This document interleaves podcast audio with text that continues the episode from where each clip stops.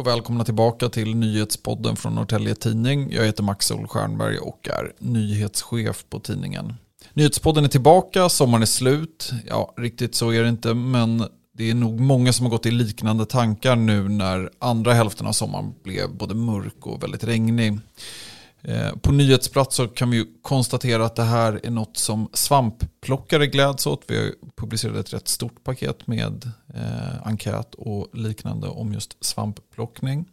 Vi har också kunnat rapportera om Bitte på Högmarsö som hamnade i en väldigt utdragen tvist om eh, ett staketköp som gick loss på 75 000 kronor men där företaget inte riktigt velat göra rätt för sig, åtminstone inte fram tills att vi började ta kontakt med Bitte. Sen har vi också kunnat rapportera en hel del om Färsna 4H-gård. Där gick kommunen in med 300 000 kronor och vi kommer ju återkomma i ämnet på nyhetsplats där.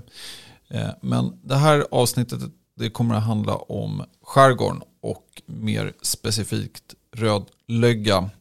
Eh, innan vi sätter igång så tänker jag bara säga att vi har hantverkare i huset och det finns en risk att det blir störande bakgrundsljud här. Vi gör vårt bästa för att eh, redigera bort och eh, prata på ostört men det finns ju naturligtvis en risk att det är en del som hänger med i alla fall. Med mig i studion har jag reporter Tobias Stahl. Du har ju varit ute på Rödlöga och skriver en hel del om de senaste turerna där. Det är ju en konflikt som puttrat på ett tag. Men jag tänker det är ju många av oss som har varit ute i skärgården och eh, alla har väl bildat sin uppfattning eh, om skärgården i stort. Men eh, det här är en bra bit ut i skärgården får man säga och det är ju en speciell ö. Vad är det som gör Rödlöga speciellt skulle du säga, du som har varit där nu? Det är ju väldigt, väldigt vacker natur när man kommer så långt ut i, i skärgården och det är en liten speciell aura ute på ön för att eh, tiden har stått still nästan lite grann. Det är, eh, eh, den har ju i dagsläget ingen, eh, ingen ström vilket gör att det blir lite andra förutsättningar. Eh, och jag i alla fall när jag var på plats fick ju liksom tankar eller flashback bilder från när man tittat eh, Saltkråkan när man var liten.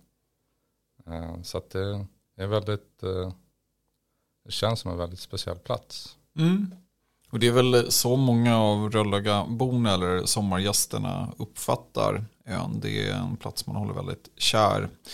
Eh, och det är ju häftigt att, eh, det gäller ju inte bara den ön, men det är häftigt att röra sig i skärgården och se hur mycket som till exempel är bevarat och det är bilfritt på de flesta av öarna och så vidare. Eh, men här har vi ju en eh, lite knölig konflikt. Vi får backa bandet en del. Vad är det som är upprinnelsen? Eller hur, hur drogs det här igång?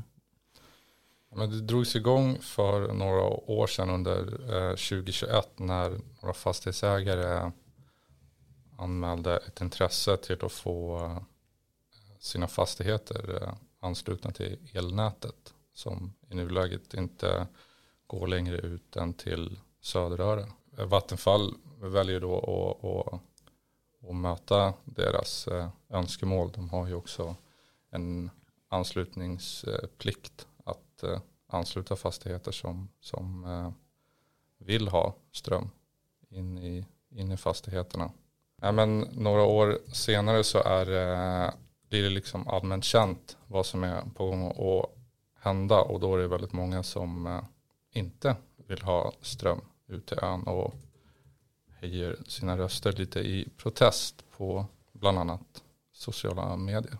Just det, och man pratar liksom mellan grannar sådär. Och, och, det finns, jag har ju, vi har ju läst väldigt många av, liksom, läst bakåt i mycket av det man har skrivit. Och man har ju skrivit riktat direkt till då de fastighetsägare som eh, velat ansluta sig. Men man har också skrivit ur ett mer allmänt perspektiv.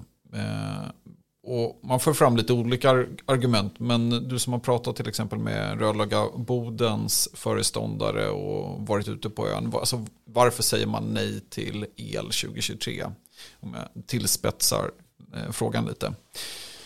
Ja, men det är ju som sagt väldigt många olika argument. Man, eh, man tycker, vissa tycker att det förstör liksom kulturen som är där ute. Men eh, Rödlöga Boden som, som jag har träffat eh, är ju väldigt oroliga vad som händer när det kommer en kabel på sjöbotten. De eh, är en liten affär som har funnits eh, där ute på ön sedan 50-talet och eh, en stor del av deras eh, kundkrets är eh, folk som kommer ut med båtar och, och, och ligger över eh, i, i liksom vattnet som, som eh, omringar ön.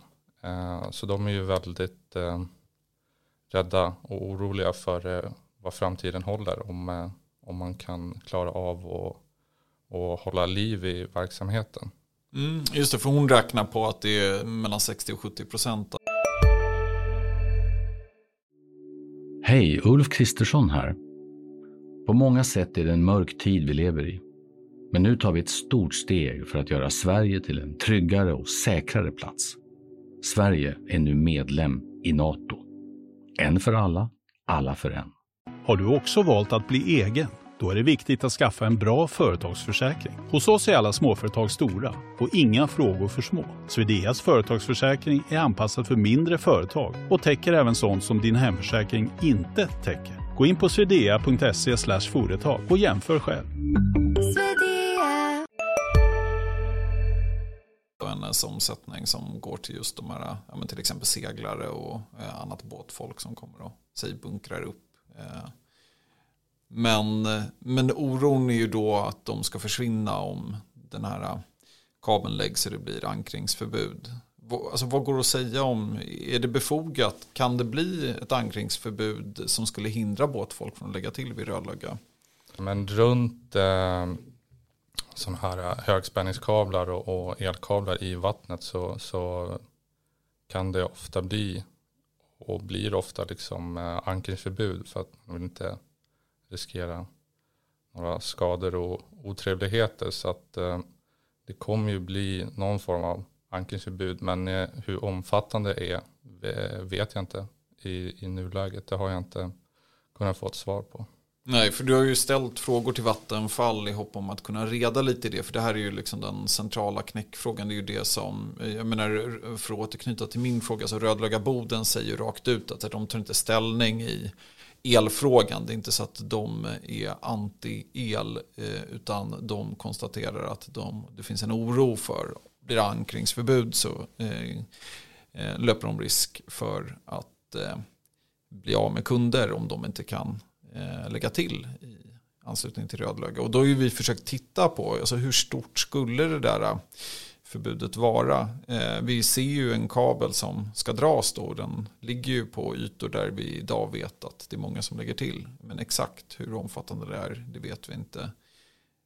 Går det att säga något mer om det, liksom, den processen? Vad, vad kan du säga? För du har ju försökt få tag i till exempel de som vill ha el. Vad kan du säga om liksom, de försöken? Det har eh, varit svårt. Eh, de, eh, många som liksom har varit med i processen i början och, och, och sen backat ut och, och eh, där vill man inte säga någonting.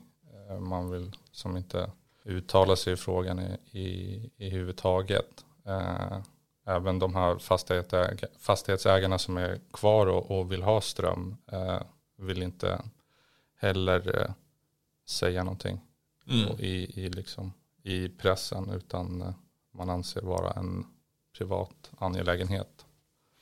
Mm. Eller det har ju varit känsligt. Jag menar, vi har ju sett en liksom öppen debatt men där ena sidan kanske inte riktigt eh, det är spel mot ett mål i den öppna debatten som varit. Det är ju inte många som förespråkar elanslutning öppet. Eh, samtidigt så kan man ju förstå sett till att eh, en stor del av skärgården ändå är ansluten till elnätet att eh, ja, det handlar ju om bekvämlighet och Eh, möjligheten att använda sig av eh, el i vardagen. Och vi har ju sett under corona hur många rent av bosatt sig till exempel på landställen och så. Så att det är ju en rätt normal eh, fråga så att säga att trycka på. Ja, ström ja. finns ju ute på ön. Det är många som använder andra lösningar. Som mm. till exempel ja, men berätta sol. lite om det som finns. Ja, men många hushåll som jag har sett där ute så, så är det många som har eh, solceller på taken och mm. liksom batterier för, för att spara kraften som man samlar på sig under dagarna. Eh, det finns även andra lösningar med vindkraft där ute också. Mm. De som har lite mer öppet runt omkring sig. Mm. Och hur mycket kan man driva på, på den? Fick du något grepp om det när du var ute? Jag tänker på disk och tvättmaskin och så. Det hänger väl lite på vad man har gjort för investeringar. Mm. Men eh, jag har stött på folk som, som säger att de liksom klarar av att leva med bekvämligheter. Mm. Och de strömlösningarna de har, de har helt enkelt. Det är bra. Vad händer nu? För den här eh, förhoppningen från ett par fastighetsägare om att ansluta sig till elnätet. Den finns ju fortfarande även om det är en process i domstolen. Eh, men du som har följt det här. Blir det el nu i alla fall? Eh, och en anslutning till elnätet?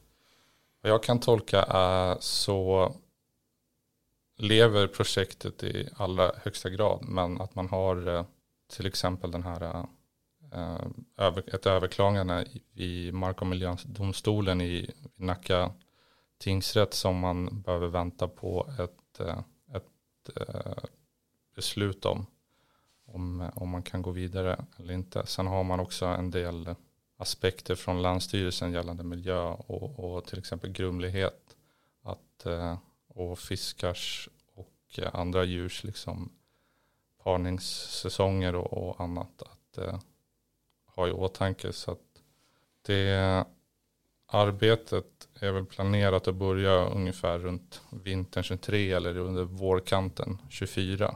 Men det hänger på de här processerna som du nämner. Och, och, där tänker jag att det blir en bra avslutning för att vi kommer att eh, skriva mer om det här på nyhetsplats och följa de här eh, processerna. Och eh, Ja, ni som är ute i skärgården eller för den delen har en relation till Rödlöga, hör av er till redaktionen. Vi lyssnar gärna på det ni har att säga, antingen i den här frågan eller för den delen andra frågor. Och eh, ja, ni andra som lyssnar, hör av er med nyhetstips eller förslag på det vi borde ha med i podden. Stort tack för att ni lyssnar.